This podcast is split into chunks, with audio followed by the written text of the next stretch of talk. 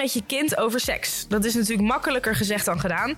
Want voor menig ouder wordt dit als zeer ongemakkelijk ervaren. Ja, want hoeveel moet je vertellen? En wanneer is iets te privé om te bespreken? En hoe weet je of je kind er al aan toe is? Ja, in deze podcast komen de echte experts aan het woord, namelijk de jongeren zelf. En de rollen worden dus even omgedraaid. De jongeren geven advies aan de ouders. Het is tijd voor Dance for Life's Sekspraat.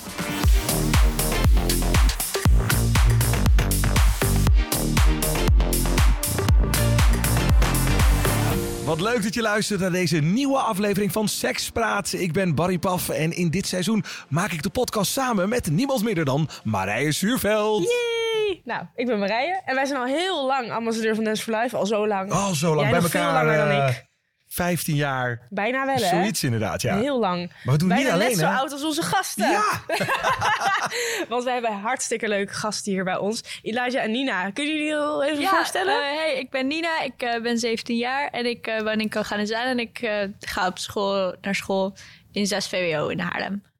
Ik ben Elijah, ik woon ook in Amsterdam. Of ik woon in Amsterdam. Eh, ik zit op school in het centrum, ROC. Ja, 16 jaar.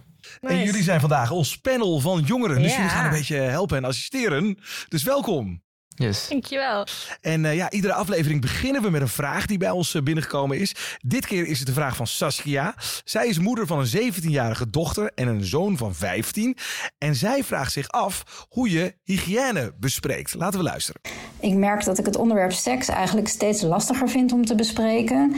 Toen ze wat kleiner waren, vond ik dat wat makkelijker. Toen praten we er aan de hand van boekjes over op een leuke manier. En dat ging eigenlijk best wel heel erg vanzelf. Maar nu dat ze wat ouder zijn, merk ik dat ik het onderwerp aan het vermijden ben. Dat ik het moeilijk vind om daarover te praten. En zo is mijn dochter bijvoorbeeld erg gevoelig voor blaasontstekingen. En zou ik graag met zowel haar, maar ook met mijn zoon het belang van hygiëne voorafgaand en na afloop van eh, de seks met hen willen bespreken. Maar ja, zit je daar eigenlijk wel op te wachten als je 17 bent, een gesprek over seks en hygiëne met je ouders? Dus jongerenpanel, mijn vraag is: hoe praat ik met mijn wat oudere tieners over hygiëne bij de seks? En wil je op die leeftijd überhaupt nog wel over seks praten met je ouders? Ja, de vraag dus van, van Saskia. eh, Eigenlijk stelt ze twee vragen. Hoe praat je als ouder over seksuele hygiëne? En daarnaast wil ze ook weten of oudere tieners nog wel de behoefte hebben om hierover te praten. Nou, ik denk zelf, ik, in, in principe sta ik altijd wel over om gewoon gezellig te kletsen met mijn ouders erover. Maar ik denk wel dat het heel erg op een, op een open manier moet zijn en absoluut niet opgelegd. Want dan ga je gelijk de fout in. Dan heb ik zelf voor mezelf ook dat ik heel erg gelijk dan dicht sla. Zeker als dan het eh, is tijdens de eettafel is. Nou, gaan we even dit gesprek hebben. Dat ik er precies van ja, oké, ik wil nu eigenlijk gewoon eten. En rustig over mijn dag vertellen. En niet dit soort gesprekken hebben. Want dan voelt het ook zo opgelegd. Dus dat is best wel zwaar dan vaak. Want wat zou dan wel het goede moment zijn? Ja, gewoon ergens tussendoor. Om, of ja, of als je, als je al ergens in gesprek over bent, om het dan op een, op een casual manier ertoe te brengen, als het ware. Dus En niet dat je er niet- echt. Vooral niet pushen, zeg maar. Nee, ja. Heel Dus erg. echt op eigen tempo. Want eh, ik, ik zou wel snappen, bijvoorbeeld bij mij thuis is veel privacy daar. Het verschilt ook denk ik per gezin hoe, hoe open je bent. En bij mij is het iets minder. Maar als, als ik erover zou willen praten, zou het bijvoorbeeld wel kunnen. Maar wel op mijn eigen tempo natuurlijk. Jij zegt iets, iets, iets minder privacy of wat minder gekletst bij jou over dit soort dingen. Ja, wel minder over dit soort dingen. Ja, dan wordt het al gauw ongemakkelijk. En kan je zo'n situatie aanhalen die je meegemaakt hebt? Eh, nou, bijvoorbeeld, eh, we, we waren een beetje aan het grappen over eh, toen ik ontmaagd was. En toen vroeg mijn moeder dat. En toen zei ik gewoon heel open ja. En toen was mijn stiefvader wel echt van, oh... toen was hij heel awkward. Oh, ja. Van shit, hij wordt wel groot. eh. Dus wat ik eigenlijk niet willen weten. Ja, oh, wat dat je- wordt dan ook heel erg zo doorgegeven, inderdaad. Ja. Ja. En, en, oh, want je bent nu, hoe oud alweer? 16, 16 en toen was je... 15. En, en, en, en wat, wat, wat vond jij van hun reacties daarop eigenlijk? Eh, van mijn stiefvader vond ik het wel grappig. eh, dat hij eh, zo bang werd dat ik al zo groot was. Want die kent me al sinds ik... eh, die is er sinds ik drie ben al. Dus eh, ja, was wel grappig. Hey, en eh, op het gebied van seks praten jullie dan wel een beetje thuis erover? Hoe is dat dan qua hygiëne? Want het is eigenlijk nog een soort van aparte tak daarin. Wordt daar dan nog over gesproken? Ja, mijn Ja. vader zegt altijd, eh, doe het veilig. Ja, dat is het enige waar hij op hamert. Dat ook, maar ook dat had ik ook al in de eerste aflevering gezegd inderdaad. Dat mijn moeder is dus verloskundige, dus die zit daar, heeft er zelf ook heel veel mee te maken. En dan doet ze zelf ook bij de zwangere zelf is ook vaak gewoon testen op SOA's en zo. En dan zegt ze dus tegen mij ook altijd van, oh, je moet wel opkijken of deze symptomen en gewoon dit is belangrijk en dit is hierop letten en daarop letten. Maar dat komt dan vaak op een hele casual manier, omdat het is nogmaals, het is letterlijk haar baan, inderdaad. Om daar dus mee bezig te zijn en daar vrouwen ook advies over te geven en zo. Dus dat komt dan bij mij, komt het er dan gewoon voor haar bij, als het ware. Dus het gaat best wel automatisch. Het onderwerp is hygiëne. Is dat voor vrouwen? Is het misschien ook nog wel iets meer van toepassing dan voor mannen? Met ontstekingen Ja. eh, en, en Nou, je hebt natuurlijk wat, wat, wat de moeder Saskia al zei, is de blaasontsteking. Ja. Ik denk dat eigenlijk bijna elke vrouw wel eens, eh, zeker wel eh, minimaal één keer een blaasontsteking heeft gehad. Ja. Omdat dat gewoon bij vrouwen veel, veel sneller gebeurt. Het is een bacterie. En die krijg je heel snel als vrouwen dus eh, hun kont afvegen de verkeerde kant Ja, op. ja, want dan ja. gaan die bacteriën van de anus in de plasbuis. En dan, dan krijg je dus een blaasontsteking. Niet fijn. Cranberry sap drinken. Ga naar de huisarts. Halen antibiotica kuurtje. Werkt top. ja, Maar- cranberry. Oké, we schrijven het Cranberry sap. Altijd even Ja, in huis ja, ja, inslaan. ja, ja, ja. Altijd even zo'n pak naar achteren. En je Precies, bent er helemaal goed. vanaf. Dat je zijn van je die mee? dingen die wij weten. ja, ja. Wist je dit eigenlijk? Wist jij dit Ja, eigenlijk? ja, Ja, dat wist je mijn ook. vriendin heeft ook een blaasontsteking Oh, gehad. oké, dus ja. Ja. Ik moest de hele tijd cranberry sap gaan Oh, halen. Maar je kan dus ook heel snel een blaasontsteking krijgen als je de seks hebt gehad. En daar, daar gebeurt natuurlijk van alles, wrijving en dingen. En dan kan die bacterie ook heel snel bij vrouwen in de plasbuis gaan.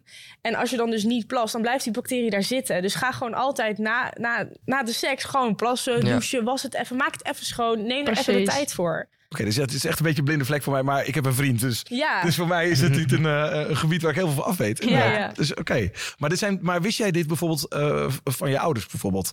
eh, hoe, dit, hoe dit zit? Of heb je dit soort dingen gewoon gehoord of gelezen? Of Zelf via- opgezocht. Zelf opgezocht? Ja? Oké, dus echt niet iets wat je besproken hebt. Dus, nee, eh, nee, nee. Maar wat voor voorlichting heb jij bijvoorbeeld thuis eh, gehad?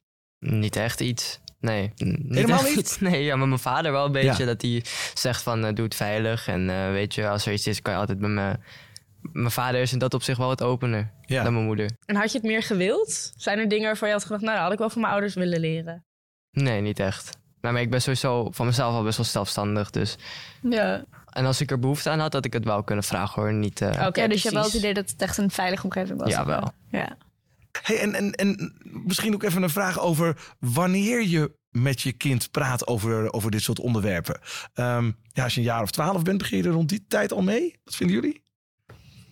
Ja, ik weet eigenlijk niet meer wanneer we ooit met die gesprekken zijn begonnen. Het is, voor mij is het nu gewoon zo natuurlijk dat we het er wel eens over hebben. En dat er grappen over worden gemaakt. En ja, ik, ik heb een 15-jarig broertje, dus die maakt ook van die hele... van dat soort grappen erover. Dus in dat opzicht, En wat voor grapjes maakt hij dan? ja, gewoon de, de typisch 15-jarige jongen. Het grappen, het is, het is wel grappig. Mijn vader gaat er ook heel erg in door. En ook in het Spaans kun je er heel veel grappen over maken. Zeker in Chileens Spaans, omdat ongeveer elk woord... Hele leuke tip. Als je in Chili bent en er is een woord dat je niet snapt... er is een 80% kans dat het iets van piemel betekent. Oh, nice. Dus Echt? Oké. ja, het is echt constant als mijn vader iets van een woord zegt... dan is je van, oké, wat betekent dat? Dan is het, het is of piemel of het is een heel specifiek vakjargonwoord. Oh, oké, Het is één van die twee. Ja. Lullig. Maar hoe was dat dan vroeger? Want ja, je hebt dan nu heb je best wel kan je heel goed daarover praten met je moeder en is dat Ja. thuis ook best wel normaal. Maar was dat vroeger dan ook zo toen je wat jonger was, of is dat was dat juist toen makkelijker? Ja, vroeger was het, waren het vooral echt andere onderwerpen. Dan ging het eigenlijk vooral over je eigen, eigen lijf en hoe ontwikkelt zich dat en zo. Terwijl nu zijn het meer over je ervaringen. En ik denk ook dat vroeger mijn ouders er me dan meer over leerden. Terwijl het nu meer is echt ervaringen uitdelen en adviezen delen, et cetera. Dus dat, ik denk dat dat de main veranderingen zijn eigenlijk. Ja, en ik denk dat er ook best wel, als ik vanuit mijn ervaring spreek, er is best wel een soort van in het midden, zeg maar, een beetje rond jullie leeftijd eigenlijk, zo tussen de 14 en de 17, is er volgens mij een beetje een periode dat je denkt, ik wil het helemaal niet horen. Want Ja. ik, ik kan me heel goed herinneren dat toen ik een jaar of 12, 13 was, ik had een keer iets bij mijn tepel. En toen, toen ging ik gewoon naar mijn moeder. Zei ik gewoon, ja, wat is dit, weet je wel? Ja. Zo, ja, dan ging ze even kijken en dan zei ze, nou, dat is er niks raars, dat is gewoon een tepel. Precies. Maar dat zou ik tussen mijn 14e en mijn 17e zou ik dat niet zo snel hebben gedaan. Terwijl ik nu, als ik aan het omkleden ben, dan Ja, komt mijn moeder gewoon de, de slaapkamer binnen en sta ik daar gewoon helemaal naakt. En dan wordt er ook geen ding. Ik denk dat daar echt een beetje zo'n soort van Ja. gat in valt. Ja, waarin daar het ken een ik beetje mezelf ook wel in. Ja, is. ja. toch? Want is het voor jou ook zo, Ja. Jij zit nu op Ja, zit werk. er Ja, nu. er Ja, ja, ja. ik, merk, het- ik merk het helemaal aan je. Dat, daarom vind ik het des te toffer dat jij nu in deze podcast ook, eh, Ja. over dit onderwerp zit. Ja. Nee, ja, ik snap het wel. Als, ja, wat ik zeg, privacy, ja, ik, voor mij hoeft het allemaal niet. Nee. En was dat dan hiervoor toen je wat jonger was, was het wat minder? eh? Nee, ook. Oh, ook wel. Ja. Gewoon altijd. Maar Altijd. na, na deze podcast loop je heel anders naar buiten. Ja, wil je alles weten. Misschien dat ik nog ouder man. moet worden, dat Ja, ik, dat, ja. dat dan eh, niet eh, zo is. En, en zijn dit dingen die besproken moeten worden op school bijvoorbeeld, in plaats van thuis? Wat vinden jullie daarvan? Op school, ik heb persoonlijk, heb, mijn school is daar echt super veel mee bezig en zo. Die heeft ook echt die Lang de Liefde Award gewonnen. Dat is mijn school. Even. Applaus! Ja, ehm, nou ja, maar dus daar, daar hebben ze ook echt super veel over gepraat. Maar wat ik en mijn vriendinnen ook heel erg vonden, was dat het heel erg veel ging. Inderdaad, wat supergoed is, natuurlijk al geef je grenzen aan en zo. Maar heel veel hele banale technische dingen. Bijvoorbeeld plassen nadat je seks hebt gehad. Dat werd gewoon niet behandeld. En dat heb ik op zich wel gemist. Want op een gegeven moment had ik dus een blaasontsteking. Toen was mijn moeder van, oh, maar doe je dat dan wel? Ja. Ja, plas je dan wel na de seks? Oh ja, dat is misschien eigenlijk een best goede. Maar dat Dus is ook zo'n Ja. typisch onderwerp waarvan je kan echt- zeggen... je moet het een keer meegemaakt hebben om ervan te kunnen leren ja. eigenlijk. Terwijl het Ja. zo makkelijk voorkomen kan worden. Ik roep daarom. het ook altijd. Maar Ja, dus en dat, dat, dat zijn wel echt dingen waarvan ik dacht, ja, dat had ik ook gewoon heel makkelijk op school kunnen leren. En dat is zoiets iets kleins eigenlijk. Dat, ja, dat zou ook geen punt hoeven zijn om dat toe te voegen op dat soort lessen. Want hoe zou, hoe zou Saskia dat in dit geval bijvoorbeeld aan haar dochters of kinderen soort van ertussen kunnen Ik, ik denk hetzelfde als wat mijn moeder dus heeft gedaan. Dus als die dochter bijvoorbeeld een blaasontsteking heeft met... hey, plas je wel na de seks? Doe je dat, maak je dat wel goed schoon en zo? Gewoon kleine banale vragen. Ik denk dat dat, zeker als je het op een hele casual manier vraagt... dan is het geen probleem. Zou geen probleem moeten zijn. Even een persoonlijke vraag tussen ons vrouwen. Wij hebben natuurlijk een ingewikkeld ding daar beneden Mhm. met allemaal flappen en dingen. Ja. Kijk, een piemel die maak je schoon onder de douche. Mijn moeder heeft mij nooit uitgelegd hoe ik mijn vagina moet wassen. Nee. Er zijn vrouwen die stoppen daar zeep in. Kan nee, dat vertellen, moet je niet Dat is geen goed idee. Maar heb jij dat ook van jouw moeder Ja, mijn moeder heeft dat wel heel... Ja, die, die zegt wel bijvoorbeeld... oh, je moet geen zeep gebruiken en zo. Maar verder ook echt heel weinig uitleg. Ja, Dat je ook ziet van dit zijn nogmaals, het zijn zulke banale dingen. Dit is heel belangrijk en het is zo klein en je hoeft er geen punt van te maken. Maar ja, ik denk ook juist omdat mijn moeder dus verloskundige is, denk ik dat het voor haar nog wel wat makkelijker is. Maar ik denk dat het voor andere mensen echt wel moeilijk is om ook met hun moeders erover te bespreken. Ja, dus eigenlijk zou dat misschien wel iets meer op scholen moeten Ja. eh, worden gedaan. Ja. Of gewoon genormaliseerd moeten worden om het erover te hebben. Dat sowieso. En waarom denk je dat jouw eh, moeder het moeilijk vond of ouders het moeilijker vonden om over dit soort dingen te praten? Nou, niet moeilijk. Het is gewoon dat ik er niet mee kwam. En ik denk niet dat ze mij onder druk was zetten. Ah, zo. Ja. Want, want, want deze dame, Saskia, die vraagt ook van... eh, hebben oudere tieners nog wel de behoefte om over dit soort dingen te praten? Is er misschien op een gegeven moment een leeftijd dat je het er ook niet meer over hebt? Nou, ze weten het wel. Dat zou een aanname kunnen zijn natuurlijk, maar Ik denk dat het heel erg verschilt per kind. ja. Ja, want ja, ik vind het zelf, zeker met mijn moeder, gewoon heel fijn om over mijn eigen ervaringen te kunnen praten. Met, oh hey, ik heb dit en dat en zo. Eh, maar ik denk dat andere mensen, een hele goede vriendin van mij, die wil dat absoluut niet. Nee, ik, eh, ik zou dat ook niet, absoluut niet willen. Nee. precies. Dus Nee, dat nee. verschilt gewoon echt heel erg per familie. Maar is dat dan te te maken... Ja, waar heeft dat mee te maken dan? Ja, ik denk dat het gewoon per familie verschilt. Ja, bij mij thuis is er heel veel privacy. Ja, ja, Privacy als in... als in alles. Als in bijvoorbeeld, ja, gewoon iedereen kan een beetje zijn ding gewoon doen. Weet je, we gaan niet door elkaar spullen bijvoorbeeld of zo, weet je. Zulke dingen. Dus jij ziet het ook als iets heel privés voor, je, Ja. voor jezelf. Ja. Wat je dan niet eh, deelt met... eh, en dan met broers of zussen? Heb je het over Ja, dit die soort zijn te klein. Ze zijn ik te ben de oudste. Jij Jij bent de oudste. Nou, misschien moet jij dan nog... Of nee, weet ik ook niet. Maar kan jij binnenkort Dus ze mogen altijd bij me terecht. voorlichting gaan, gaan geven natuurlijk? Maar hoe zou je dan willen dat je ouders je daarin soort van steunen? Dat ze gewoon zeggen, hey, je kan altijd naar ons toe komen. Is dat genoeg? Of Ja, dat is wat ze hebben gezegd. Van ja, je kan altijd eh, bij me terecht. Maar ik ben zelf nooit gegaan, want ik had er geen behoefte aan. Maar zo kan het ook gewoon iemand zijn. anders heeft er misschien wel behoefte aan. Ja. Hey, ik heb dus eh, een onderzoekje gedaan op mijn Instagram. Want ik heb gevraagd aan mijn volgers... ga jij altijd plassen na de seks? Oh ja. En ik vond die verdeling toch best wel opvallend. Ja. Want eh 62% die gaf dus aan dat ze dat wel doen. Thank God. Maar 38% zei van niet. En ik had dus zelfs vriendinnen die mij een DM stuurden. Die zeiden... Ja, nou, ik heb dus drie keer een blaasontsteking gehad... totdat ik erachter kwam dat ik moest plassen na de seks.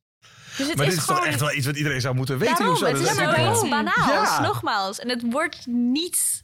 Het, het wordt zo bij jezelf gehouden. Ik, ja. Ik moet ook eerlijk toegeven dat ik zelf ook niet weet hoe ik er destijds op ben gekomen dat dat moest. Maar ik kan me niet anders herinneren dat op het moment vanaf...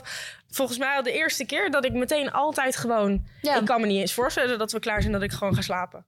Ik moet Nee, altijd ja. even... Precies, gewoon even je ding Ja. doen. Ja, Ga lekker samen douchen. ja Maak er een ding gezellig. van. Leuk. Dus je Gezellig. hebt 38% van al jouw volgers heb je nu allemaal berichtjes gestuurd. Ja, ga plassen na de seks. Ja, Punt. knoop dat in je oren.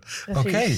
Nou, ik vind het wel... eh, dit, is, is wel echt een reden dat, eh, dat, dat ze misschien in voorlichting ook hier iets mee moeten doen. Ja, ik denk dat als het inderdaad niet voor iedereen eh, thuis fijn is om daarover te praten... of de mogelijkheid daarvoor is... dat het in ieder geval wel een soort van ding wordt op scholen. Of, Ja. ja. want je kan er ook niet van en dus verwachten dat jij ja, het online kon vinden. Dat is ook wel een goeie. Ja. Dat is Dat ook ook altijd fijn. fijn. Maar dan Ja. moet je ook iemand hebben die zelf het initiatief neemt om dus dingen op te gaan zoeken. Ja. Want je kan ook niet verwachten dat, dat, dit- dat, je- dat je met vrienden er altijd over praat. Nee. En wist je vriendin gelijk, oh, dit, dit is er aan de hand, dit- dit is de oplossing?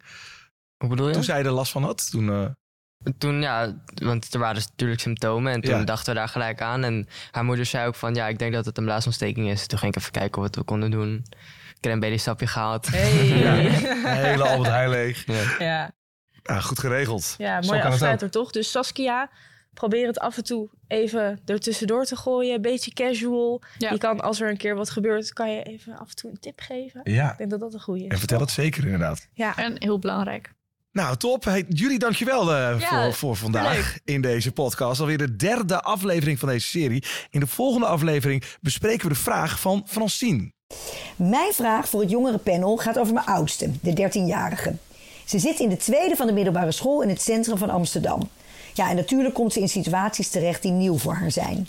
Maar die zijn ze voor mij ook. Nou, gelukkig bespreken we veel, maar hoe kan ik er nou voor zorgen dat ik haar verstandig advies geef in plaats van door te slaan in hysterische preken van een overbeschermde emotionele moeder? Nou, een voorbeeld hierbij helpt misschien. Want laatst ging dochter Lief winkelen in de stad en dacht ze dat haar beste vriendin achter haar stond op de roltrap. Het bleek dus een man te zijn, die zijn lichaam steeds dichter tegen die van haar probeerde te drukken. En toen ze dit vertelde, schrok ik. En merkte ik dat ik door mijn emoties op dat moment niet goed wist hoe te reageren. Hebben jullie advies? Ja, en wil je Dance for Life nou steunen? Heel graag. Check dan even danceforlife.nl of check onze social kanalen. Deze podcast eh, hadden we niet kunnen maken zonder Mac Viva Glam Fund.